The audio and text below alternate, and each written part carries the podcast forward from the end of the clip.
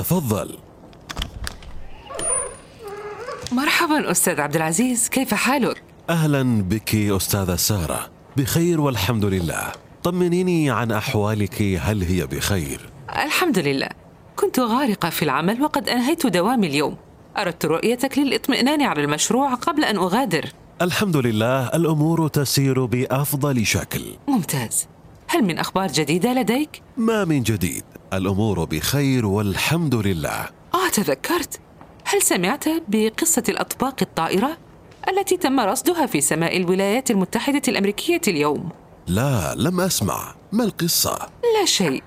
تدعي السلطات الأمريكية أنها رصدت أطباق فضائية طائرة في سمائها. القصة التي لا تنتهي طبعا وبين الحين والآخر يرصد الغرب أطباقا طائرة. أتمنى أن ننتهي من هذه الأكذوبة قريبا. ولما كل هذا السوم؟ أهلا وسهلا بالضيوف مهما كان مصدرهم. وهل تؤمنوا بوجود الفضائيين؟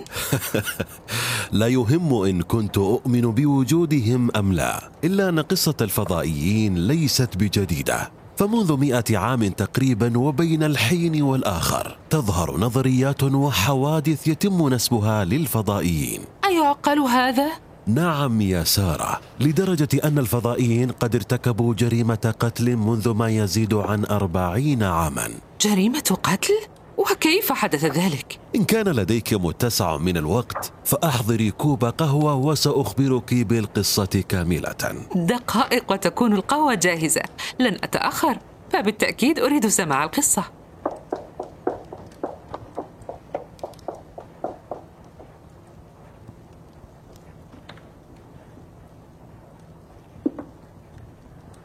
ها هي القهوة وكلي أذان صاغية. تفضل. أشكرك.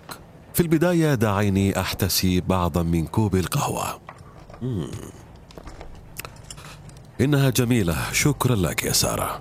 تعود أحداث قصتنا يا سارة إلى عام 1980 في بلدة تنجلي التابعة لمدينة يوركوشاير الإنجليزية حينما عثر على جثة رجل خمسيني حير المملكة المتحدة آنذاك. ومن هو هذا الرجل؟ يدعى زيجمون جان آداماسكي وهو بولندي الأصل من مواليد 1923 تزوج عام 1958 وانتقل مع زوجته إلى المملكة المتحدة بعد زواجهما بثلاث سنوات وعاش ما تبقى من حياته هناك في بلدة تنجل البريطانية. وعاش بها حتى لقي حتفه وذلك بعد عشرين عاما من وصوله إلى تلك البلدة وما الذي حدث طوال تلك المدة؟ وما دخل الفضائيين بهذه القصة؟ يا لك من عجولة اطمئني لا دخل للفضائيين بحياته فقد كانت حياته طبيعية ولم يذكر التاريخ أي حدث أو قصة مهمة رجل بسيط يعيش مع زوجته وأبنائه في بلدة آمنة ولا شيء هام أو مثير للجدل في حياته. حتى اختفاؤه كان غريبا وبسيطا. وكيف اختفى؟ خرج من منزله الساعة الثالثة والنصف ظهرا وذلك في السادس من يونيو عام 1980 واختفى من بعدها. بهذه البساطة؟ نعم بهذه البساطة. فقد خرج من منزله ظهرا لشراء بعض الحاجيات والتقى بجاره البقال المجاور لمنزله. ومضى في طريقه واختفى من بعدها دون أن يتمكن أي أحد من الوصول لأي أثر يخصه. وماذا حصل بعدها؟ وما دخل الفضائيين بذلك؟ يا إلهي ما الذي أصابك؟ عقابا لك لن أخبرك بتفاصيل الفضائيين حتى نهاية القصة. كما تريد. أرجوك أجبني. أجبني عن سؤال واحد فقط. تفضلي. هل بالفعل هناك فضائيين في القصة؟ للأسف يا سارة هي الرواية الأكثر شهرة ولهم قصة مثيرة. سأخبرك بها نهاية القصة. يا إلهي بدأت أشعر بالتوتر. أكمل أرجوك. المهم أخبرت عائلة أداماسكي عن اختفائه وبدأت التحقيقات والبحث عنه في بلدته وفي البلدات المجاورة. ليتم العثور عليه بعد خمسة أيام بوضع غريب جدا ما الذي تقصده بالوضع الغريب؟ بعد خمسة أيام اتصل شاب يدعى تريفور بارك بالشرطة وأخبرهم أنه عثر على دماسكي في ساحة مصنعه بوضع في غاية الغرابة فقد كان المصنع الذي يمتلكه تريفور بارك مصنعا للفحم. وقد كانت جثة أداماسكي ملقاة فوق كومة للفحم يقارب ارتفاعها الأربعة أمتار. وكيف وصلت إلى ذلك المكان؟ هذا هو اللغز المحير. فقد كان أداماسكي أعلى كومة الفحم. وعندما وصلت الشرطة وجدت الجثة ممددة أعلى القمة. وقد كان مستلقيا على وجهه. وكان مرتديا بنطاله مقلوبا. فجيوبه الخلفية إلى الأمام وحتى حذاؤه قد لبسه بشكل معاكس وسترته أيضا وكأن من ألبسه لا يعرف الطريقة الصحيحة لارتداء الملابس واختفت ساعته ومحفظته وحتى قميصه لم يجده أحد إلا أن الغرابة لم تتوقف عند هذا الحد ماذا؟ وماذا أيضا؟ لم تكن ملابسه متسخة بل كانت نظيفة تماما وأثبت الفحص أنه لم يتسلق بنفسه ولم يكن هناك آثار تدل بأن أحدا ما قد اعتلى هذه الكومة وكأن أحدا ما قد رماه من الأعلى ووضع سترته على جسده وعند الفحص وجد المحققون حروقا على كتفيه ورقبته وفي مؤخرة رأسه مادة هلامية مجهولة لم يتمكن الفحص الجنائي من معرفة ماهيتها. وما هذه المادة؟ حتى هذه اللحظة لم يتمكن أحد من معرفة مصدر تلك المادة، وتم إجراء الكثير من الفحوصات الكيميائية بهدف معرفة تركيبها الكيميائي، إلا أن جميع الفحوص أثبتت أنها مادة غريبة ومكوناتها غريبة وغير مألوفة. يا إلهي، وكيف مات الرجل؟ أكد الفحص الجنائي أنه مات بسبب سكتة قلبية حدثت قبل أربع ساعات من موعد العثور على الجثة لكن الحدث الأغرب لم يكن شكل الجثة أو الحروق أو المادة الهلامية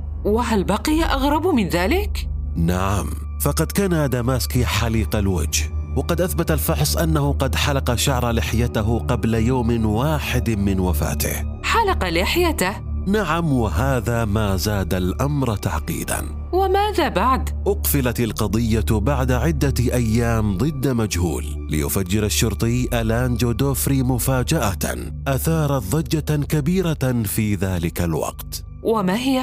في ذلك الوقت يا سارة ظهرت العديد من الظواهر الغريبة في بلدة تنجلي فقد تم تسجيل العديد من البلاغات الغريبة في تلك المنطقة حيث اتصل أحد المزارعين بقسم الشرطة وأخبرهم بظهور قطيع من الأبقار بالقرب من حقله وبعد عدة دقائق اختفت بشكل مفاجئ. وقد تكرر الأمر عدة مرات إضافة لظهور أشخاص غريبي الشكل بالقرب من منزله واختفائهم بعد عدة دقائق. وقد تكررت هذه الظاهرة عدة مرات. ومن أين جاءت الأبقار؟ ومن هم هؤلاء الأشخاص الذين ظهروا؟ واختفوا بشكل مفاجئ؟ للأسف لم يثبت أي شيء بالرغم من تكرر البلاغ عدة مرات ومن أشخاص مختلفين وحتى عندما تم فحص المنطقة التي ظهر فيها الأبقار لم يتم العثور على أي آثار أو أقدام أو حوافر وهذا ما أثار الريبة وزاد من تعقيدات القضية. ليأتي دور آلان جودوفري ويفاجئ الجميع بالقصة التي حدثت معه.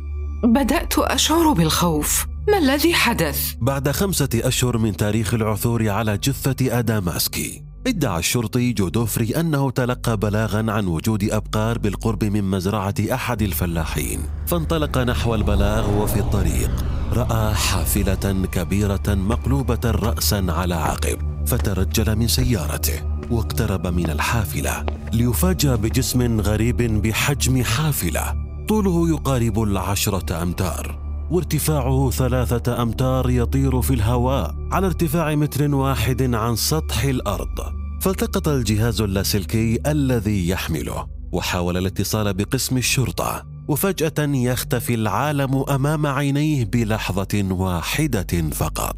اختفى العالم؟ وكيف ذلك؟ هل مات؟ كيف مات يا سارة وهو من أخبرهم بالقصة؟ طبعا لم يمت. فتح عينيه ووجد نفسه في سيارته في منطقة أخرى وقد كان حذاؤه بالقرب منه. فنظر للساعة ليفاجأ بمضي ثلاثين دقيقة بين رؤيته للجسم واستفاقته.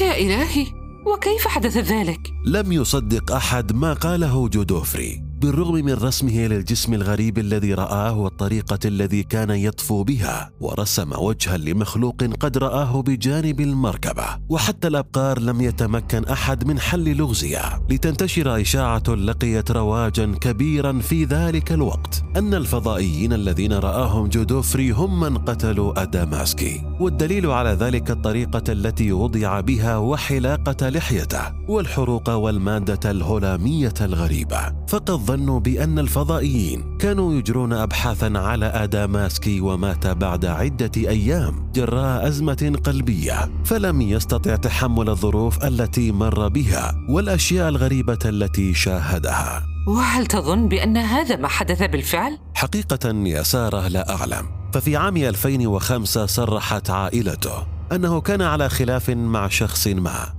ومن المتوقع أن يكون ذلك الرجل هو من اختطفه وبالصدفة مات الرجل بين يديه بسكتة قلبية. إلا أن هذه الرواية غير صحيحة أيضا ولم يتم العثور على أي دليل يدعم هذه الرواية. إذا كيف مات الرجل؟ لا أحد يعلم. والمؤسف بالأمر أن البلدة ذاتها قد وثقت العديد من القصص والأحداث والظواهر الغريبة كرصد أطباق طائرة ورؤية أشخاص يسيرون بالليل بملامح غريبة والكثير من التفاصيل التي كانت سببا في تسمية تلك البلدة ببلدة الأجسام الغامضة فقد كثرت الروايات فيها. أمر غريب بالفعل. احذري إذا من أن تلتقي بأحد الفضائيين وأنت ذاهبة للمنزل. أرجوك لا أحب هذا المزاح. إن التقيت بأحد منهم أرجوك اسأليه عن قضية سيجوموند أداماسكي حتى لا تبقى القضية ضد مجهول. كما تريد. اسمح لي بالانصراف الآن. قصة ممتعة بالفعل. هل لديك المزيد؟ نعم بالتأكيد ولكن في وقت آخر. وإلى ذلك الوقت ابقي حذرة إلى اللقاء. إلى اللقاء. بالفعل يا أصدقائي. سأخبركم بالمزيد وإلى ذلك الوقت. كونوا حذرين.